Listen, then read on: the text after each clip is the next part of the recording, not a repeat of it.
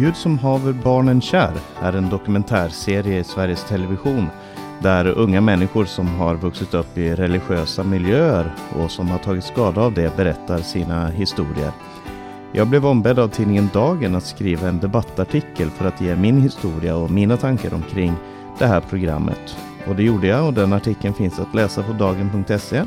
Men här och nu vill jag prata lite mer utförligt på det här temat är det farligt för barn att växa upp i religiösa hem?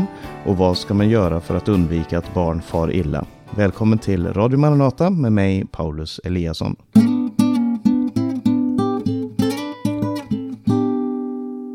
Det första jag vill göra är att berätta lite av min historia och min uppväxt i Maranata. Och det första jag ska säga det är att min historia är inte lika viktig som eh, de människor som har farit illa sina historier. Eh, en som klarar sig bra eh, behöver inte lika mycket uppmärksamhet som en som inte klarar sig bra, en som tar skada. Men en person som har haft andra upplevelser där man har klarat sig bättre, där man faktiskt har positiva upplevelser av sin uppväxt och som också har dragit nytta av det och, och, så kan vara en, en bra kontrollgrupp för att se vilka faktorer som skiljer sig.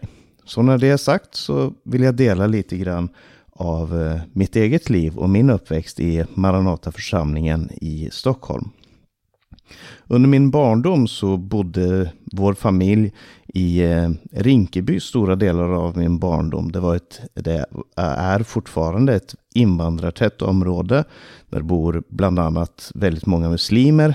Jag hade eh, vänner ifrån forna Jugoslavien. Då var det väl, ja, det var på den tiden då det, då det höll på att eh, lösas upp. Eh, jag hade vänner ifrån Iran, Irak, Turkiet var väldigt många, Finland eh, och en del andra länder, Afghanistan och så vidare. Eh, det var de vännerna jag hade i Rinkeby. Eh, och så hade jag en del svenska vänner, framförallt sådana som kom ifrån eh, församlingen.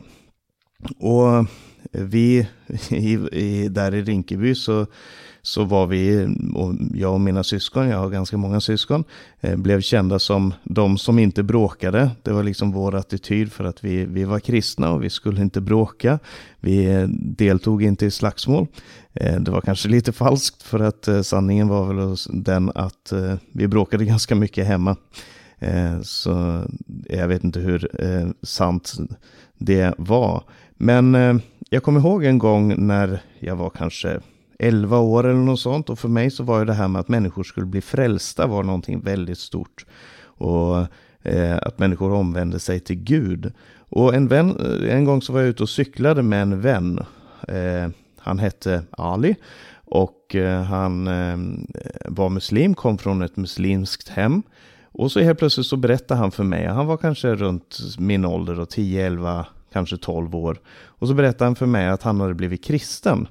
Och jag tänkte det, det var ju helt fantastiskt och stort. Eh, och, och frågade honom, ja men hur gick det till? Var det på något möte? Var det någon som bad för dig? Nej, han hade gått och sagt till sina föräldrar att han ville vara kristen. Och så, men, men varför sa du det? Vad, liksom, vad hade du för gudsupplevelse? Vad... Nej, det handlade inte om det. Det var det att han, han hade hört att kristna fick eh, äta gris och dricka alkohol. Och det ville han gärna göra. Så han hade bestämt sig för att han skulle bli kristen. Och för mig var det en väldigt märklig inställning. Men jag sa, men går du på någon möten? Går du till någon församling eller någonting? Nej, det, det hade han inte tänkt göra. Så det var hans, eh, hans inställning till det att vara kristen, som var ganska annorlunda än min inställning till det att vara kristen. Eh, men för honom var det att de fick äta gris, eh, svin, och de fick eh, dricka vin.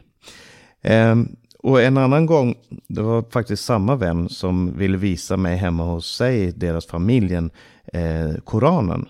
Eh, för jag frågade honom liksom vad, vad ni tror på. Jag var, jag var ju väldigt nyfiken på muslimernas tro och så. Han visste inte så mycket. Han kunde mest berätta om vad de gjorde och, och vilka eh, ritualer de hade. Men, men han vi, ville visa mig Koranen. Och då hade han en, en, eh, det var jag och han och en annan vän också som var där. Han hette för övrigt också Ali eh, skilde dem med efternamnen bara. Men hans vän Ali blev väldigt arg för att han inte hade tvättat händerna rituellt när han, när han eh, tog i den här Koranen. För det, man skulle ha en rituell rening och man fick inte ta på Koranen utan att ha gjort det.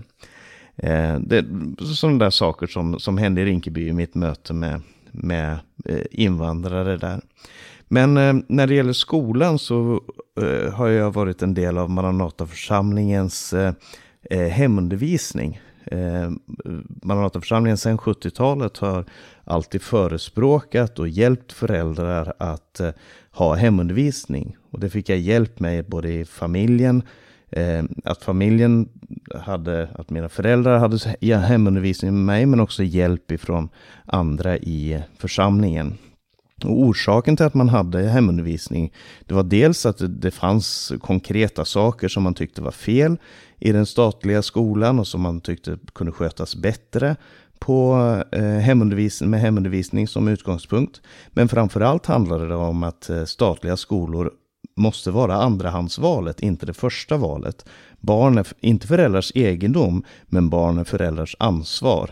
Och staten ska inte bryta in så länge föräldrarna inte bryter det ansvaret. Det var en viktig princip i, i eh, hur man såg på det med, med barnuppfostran och så vidare.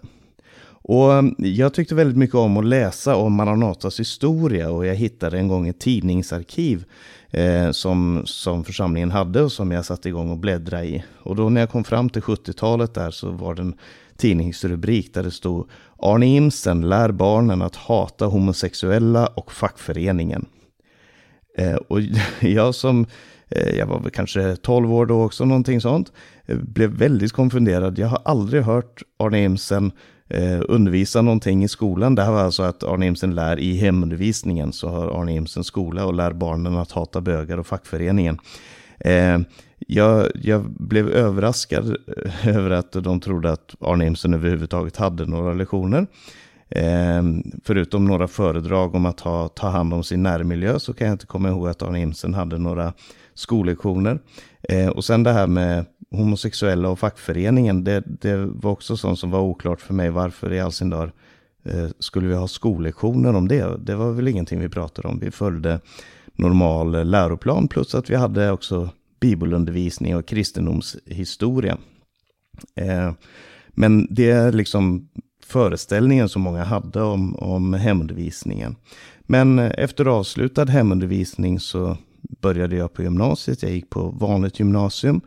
Eh, och det är min upplevelse. Jag har väldigt många positiva minnen. Och om, om någon som hör på det här var min lärare på den tiden. Eh, bortsett från, eh, alltså förutom mamma och pappa så som sagt var det många i församlingen som hjälpte mig och undervisade mig. Så får jag framföra än en gång, jag hoppas jag har gjort det i andra forum också, men ett stort tack. Jag känner mig väldigt, väldigt tacksam till alla de som har lagt ner tid och krafter på att hjälpa mig. Eh, min familj var ju, vi var, vi är sju, vi är åtta syskon i, i familjen. Vi, jag har sju syskon. Eh, och jag flyttade ut eh, innan nummer sex eh, kom. Eh, så jag levde alltid, har alltid levt tillsammans med många syskon. Men jag har inte alltid haft Eh, Eh, jag har inte levt tillsammans med allihop. Men vi var en väldigt kärleksfull familj och, och, vi har alltid varit väldigt aktiva i församlingen. Så, så länge mina föräldrar var med i Maranata så, så var de väldigt, alltid väldigt aktiva i församlingen. Och jag har några syskon som har valt att inte leva som kristna. Eh, och de har kanske andra berättelser och andra historier som de gärna, och andra sätt att se på saker och ting som de gärna skulle vilja få fram. Men, men det jag vill säga är att det, det finns ingen mindre kärlek från mina föräldrar till dem, i min erfarenhet i alla fall, gentemot det som jag fick uppleva. Och jag upplevde min familj som en väldigt kärleksfull eh, familj.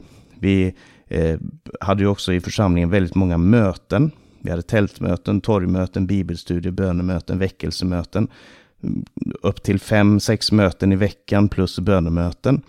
Eh, och på de här mötena så var det många olika slags mötesledare och predikanter. Och Maranata var grundlagt på den här tanken om att man skulle komma bort ifrån professionalismen. Det fanns nästan en, en antiintellektualism i, i Maranata som handlade, och det tog sig väldigt ofta uttryck i att man lät eh, syskon komma till tals, att alla möjliga fick ha sina vittnesbörd, fick, fick eh, eh, bära fram budskap, fick dela sina tankar ifrån, ifrån Bibeln. Och jag upplevde en väldig frihet på det här området. Och naturligtvis var det inte alla som var lika kloka eller duktiga eller lika eh, belästa när det gäller Bibeln. Men det fanns många eh, som, som eh, delade av hjärtats lust. Och det var både män och kvinnor, både som mötesledare och predikanter. Eh, och min egen predikantgärning, jag har predikat eh, sedan jag var ungefär 20 år. Det började med en väldig uppmuntran ifrån syskonen i församlingen som uppmuntrade mig att börja. Och i början så var det absolut inte särskilt bra möten om jag ska vara helt ärlig, bra predikningar. Men, men jag upplevde en väldig uppmuntran ifrån syskonen där. Och en sista sak som jag vill nämna är att i Maranata så hade vi mycket eh, aktivism. Både aktiviteter som mm, eh, saker vi gjorde, det handlade om missionen, det handlade om eh, många evangelisation och tältmöten och sånt. Eh, men Maranata har alltid präglats av aktivism. Ända sedan 60-talet då man hade sådana här eh, räder mot eh, eh porrbutiker där man sålde pornografi. Eh, på 70-talet med systembolagsaktioner och, och piratradio och andra, eh, andra sådana typer av, av, ja, av aktivism helt enkelt. Eh, och på min tid så vi hade inte några porräder och systembolagsaktioner. Eh, och piratradion hade gått över till närradio. Men vi hade ofta eh, utpostmöten. Vi for runt i landet och hade möten på många olika ställen. Eh, på fredagskvällarna så tog ofta jag och mina vänner när vi kom upp i övre tonåren och däromkring, 17, 18, 19, så tog vi varsin gitarr och åkte ut på torget och gick runt och, och sjöng på Stockholms gator och pratade med människor på, sent på fredagskvällarna från 10 till kanske ett på natten eller så. Eh, och sen hade vi också eh, mycket aktivism i, i förhållandet till eh, andra församlingar. Alltså pingströrelsen som vi försökte nå med, med budskapet ifrån vår tidning Minasropet. Och jag, vi var många år på eh, Nyhemsveckan och Lapplandsveckan för att dela ut tidningen Minasropet och samtalade med människor där. Jag, jag lärde mig själv väldigt mycket det här med att samtala med människor, diskutera och så vidare på, i de konfrontationer som uppstod och, och samtalen som uppstod och kanske också eh, väldigt mycket på Bokmässan i Göteborg. Det var en väldigt snuttifierad och eh, bristfällig eh, berättelse av mitt liv. Men eh, en liten inblick i vad jag har upplevt. Nu ska jag gå vidare till den här dokumentären.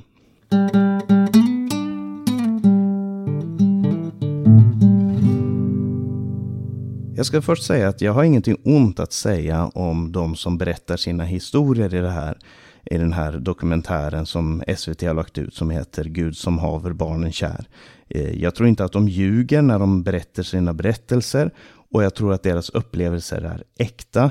Och som jag sa, jag tror också att deras berättelser är viktigare än min egen berättelse eh, på det sättet att de har ju farit illa och de behöver hjälp eh, på ett sätt som jag absolut inte gör. Det enda som jag skulle kunna säga som om, negativt om deras upplevelse och som kanske skulle vilja ha sagt till dem, det är att jag tror att det kan finnas en faktor där man reagerar kraftigare på saker i efterhand än man gjorde när det faktiskt skedde. Men jag, jag ska komma tillbaka till det. Det jag skulle vilja kommentera först lite grann är däremot religionshistorikern och eh, eh, professorn. Det är två professorer, en i religionsvetenskap och en i utvecklingspsykologi som som uttalar sig eh, i programmet. Och där skulle jag vilja nämna att det blev väldigt ensidigt. För jag förstår att från de som berättar sina berättelser att det blev väldigt ensidigt. Eh, men David Turfjell som är professor i religionsvetenskap, han fick svara på frågan varför pratar man om himmel och helvete i de här i olika religioner? Och så svarar han så här, en av religionernas funktion är att disciplinera folk till lydnad och att hålla samman en grupp. Och då är morot och piska ett klassiskt grepp. Det är en väldigt, väldigt ytlig och väldigt, väldigt, eh, eh sim, eh, eh, väldigt förenklat sätt att se på eh, läran om himmel och helvete. Det eh, och självklart eh, i en dokumentär där man får uttala sig kanske i någon minut så är det svårt att nyansera på alla sätt. Men eh, eh jag får säga, om jag ska tala ifrån min egen erfarenhet, lydnad har för mig aldrig handlat om fruktan för helvetet eller belöningen i himmelen. Det har handlat om kärleken till Gud. Oavsett att församlingen har haft en stark tro och jag fortfarande har en väldigt stark tro på, på himmelen. Jag tror också att det finns en fördömelse.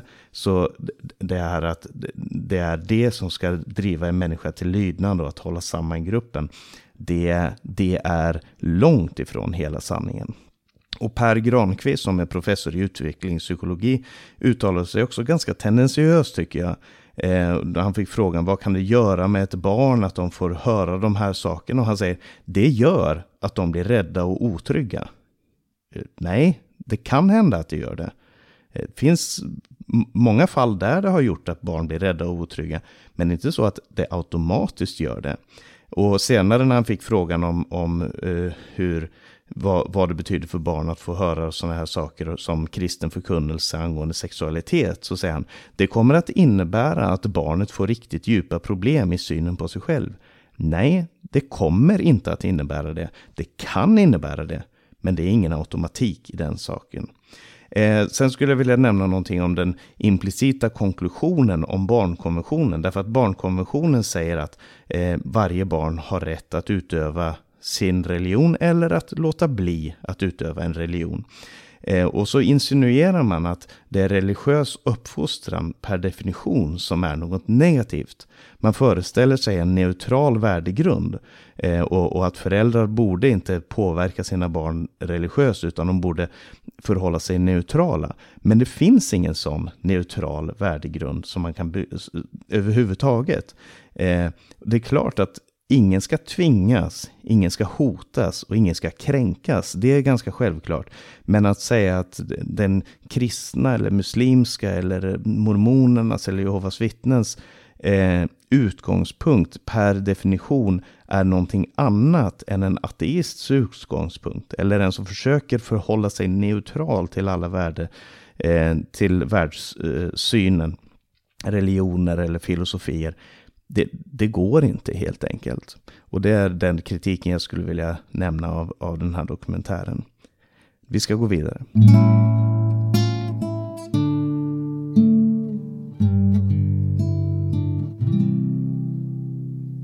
Som jag ser det så finns det tre olika, tre möjliga anledningar till att det är så tydlig skillnad mellan min upplevelse och eh, andras upplevelse. Eh, det kan handla om olik psykologi hos olika personer. Barn är olika. Man reagerar på sånt som andra inte reagerar på. Eh, sånt som jag tycker är oviktigt tycker andra är viktigt. Sånt som jag, eh, gör mig otrygg gör inte andra otrygga. Eh, det finns barn som är rädda för, för att klappa ett djur. Det finns barn som är rädda för väldigt mycket olika saker. Och det kan vara en av anledningarna till att man upplever de här, till exempel förkunnelse, väldigt olika. Så det är en möjlighet att det handlar om eh, hur barnet själv upplever det de får höra. En annan möjlighet är skillnaden mellan olika församlingar, mellan olika religioner. Eh, kanske Maranata var bättre än många andra alternativ. De alternativen som de upplevde när de växte upp. Här var det frågan om, det var frågan om Jehovas vittnen, eh, muslimer, eh, det var pingstvänner, det var mormoner, det var en från Frälsningsarmén. Eh, det var en från Evangeliska Fosterlandsstiftelsen om jag kommer ihåg rätt. Eh, och, och, mycket av det som sades i dokumentären, det, det är helt enkelt inte sant om Maranata. Eh, som till exempel Jehovas vittnens attityd mot eh, avfällingar eller fokuset på att man kan bli demonbesatt. Även om det var någonting vi trodde på och jag har sett människor bli befriade ifrån, ifrån eh, demoniska krafter så var det ingenting som man sa att ja, passa er barn, eh, akta er, alla kan bli, vem som helst kan bli demonbesatt när som helst. Det, det är helt enkelt inte sant. Eh, men samtidigt så finns det ju många som berättar om sin uppväxt i Maranata och som på ett eller annat sätt har haft negativa erfarenheter av det. Jag vet att eh, eh ja, nu är han en offentlig person så jag får väl säga hans namn och han har berättat det här många gånger själv. Men Micke Leijnegard som är en programledare och, och, författare. Han har i många sammanhang berättat om sin uppväxt i Maranata och även om han inte haft så väldigt mycket negativt att säga egentligen tycker jag så tycker jag att det har varit lite tendensiöst eh, det han har sagt. Men, men eh, om en människa har farit illa av förkunnelsen så är det naturligtvis någonting som, som, och gemenskapen, så är det någonting som man måste ta självkritik över. Men det ska jag komma tillbaka till. Eh, det tredje jag skulle vilja säga är att man får inte blanda ihop det att man senare har blivit oenig med det man tidigare stod för med verkliga trauman. Alltså, eh, jag säger inte att det är det som har hänt och det kan hända att det inte alls spelar någon roll i den här saken. Men jag har själv upplevt att folk har talat väldigt varmt för en sak.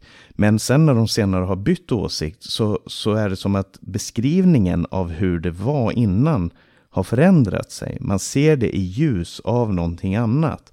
Eh, och det, det är inte helt ärligt tycker jag. Eh, men, men huruvida det stämmer i de här fallen, det får någon annan eh, bedöma. Eh, jag ska säga någonting om vilka lärdomar man kan ta av den här dokumentären och vilka konklusioner jag själv drar.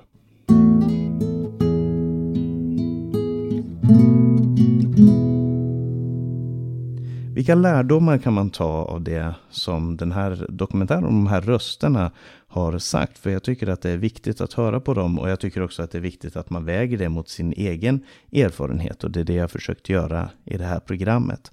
För det första så skulle jag vilja säga att eh, läran spelar roll. Alltså vilken lära en församling har spelar roll. Jag tycker att Jehovas vittnen har ett inhumant sätt att behandla avhoppare på. Eh, och som jag själv har upplevt det så var Maranata för mig så var det en väldigt sund eh, och, och jag, jag, upplevde en, även om det var problem och jag tror att alla församlingar har sina problem att jobba med och saker och ting som jag tänker att ja, men det här kunde varit gjort bättre, det här kunde varit gjort annorlunda. Så tror jag att det fanns en, en omsorg och en vilja att, att hjälpa alla som var i, i församlingen. Och Eh, jag tror att det finns ett sunt sätt att prata om både demoner och helvete och Jesu tillkommelse på. Och det, så upplevde jag det i Maranata. Och Bibeln lär inte att någon ska tvingas att tro. Det gör den helt enkelt inte. Och så har det varit för mig också. Jag har aldrig upplevt mig tvingad att tro på det jag tror på. Jag har också syskon som har valt att gå en annan väg som sagt och som har eh, Eh, som inte har blivit tvingade att vara med, fortsätta vara med i församlingen och inte har blivit utfrusna heller ur familjen. Det andra är att attityder spelar roll. Alltså frågan hur vi bemöter de eh, uppväxande människor, ungdomar, uppväxande människor, ungdomar som har frågor, som tvivlar, som upplever homosexuell dragning eller andra dragningar. Hur bemöter vi dem?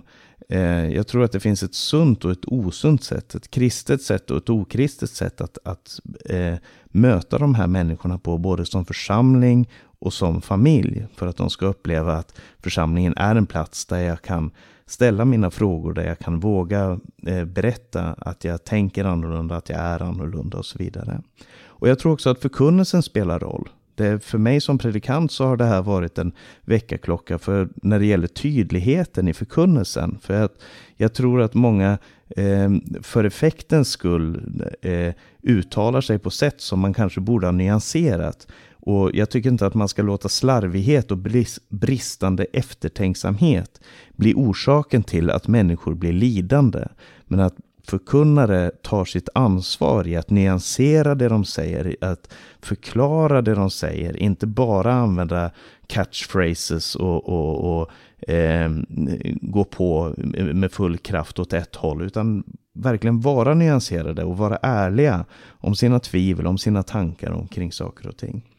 Och så tror jag att ödmjukhet och självkritik spelar en stor roll. Om människor far illa så måste vi höra på dem. Vi måste lyssna på deras historia. Eh, och det, men utan att det behöver betyda att man inte eh, ska dela sin tro med barn och ungdomar. Det tror jag är väldigt, väldigt viktigt. För att familjen spelar roll och det är den sista lärdomen som jag tog av den här dokumentären och som jag har tänkt på. Att älska sina barn och att visa sina barn att de är älskade oavsett vad som händer. Att vara goda förebilder. Att ge sin kristna tro på ett sätt som skapar trygghet. Alla de här sakerna är väldigt, väldigt viktiga oavsett. Och eh, jag, jag, kommer inte med någon, an, med någon anklagelser mot någon. Och jag eh, säger inte att eh, den här personen och den personen har gjort fel.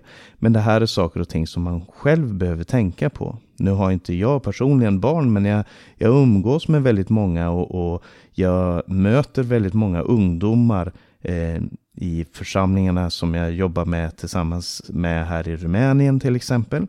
Och det ska jag ju säga att när det gäller den här dokumentären också, så en sak som jag reagerade på var att i ett avsnitt så hade man det här om, om att barn fick veta att sex utanför äktenskapet och äktenskapet är bara mellan man och kvinna och sex utanför äktenskapet är något helt förkastligt.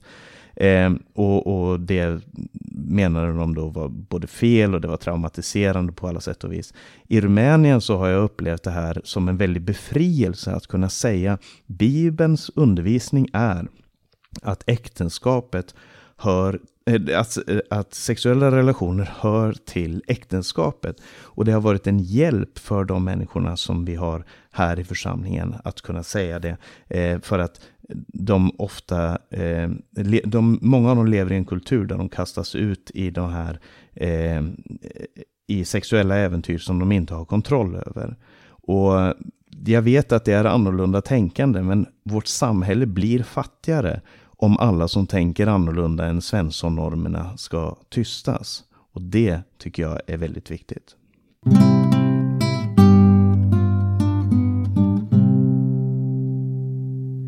Till slut så vill jag bara säga, läs gärna den här artikeln som jag skrev i Dagen. Den finns på dagen.se om du vill eh, eh, läsa den. Skriv gärna till oss och berätta om dina egna erfarenheter. Du kan skriva till info.maranata.se.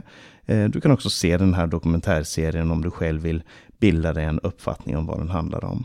Och så ska jag säga några avannonseringar innan vi lyssnar till en sång. Du har lyssnat till ett program ifrån Radio Maranata Stockholm med mig, Paulus Eliasson. Vi sänder över Stockholms närradio 88 MHz och programmet läggs också ut som podcast på till exempel Acast eller Apple Podcast. Om du har några frågor eller kommentarer omkring det här programmet så skicka gärna en e-post till info.maranata.se eller ring 070-201 60 20. Du kan gå in på vår hemsida maranata.se där kan du höra programmen och se Radio Maranatas övriga sändningstider. Så sprider du Guds välsignelse och så hörs vi om en vecka och nu lyssnar vi till en sång. Fram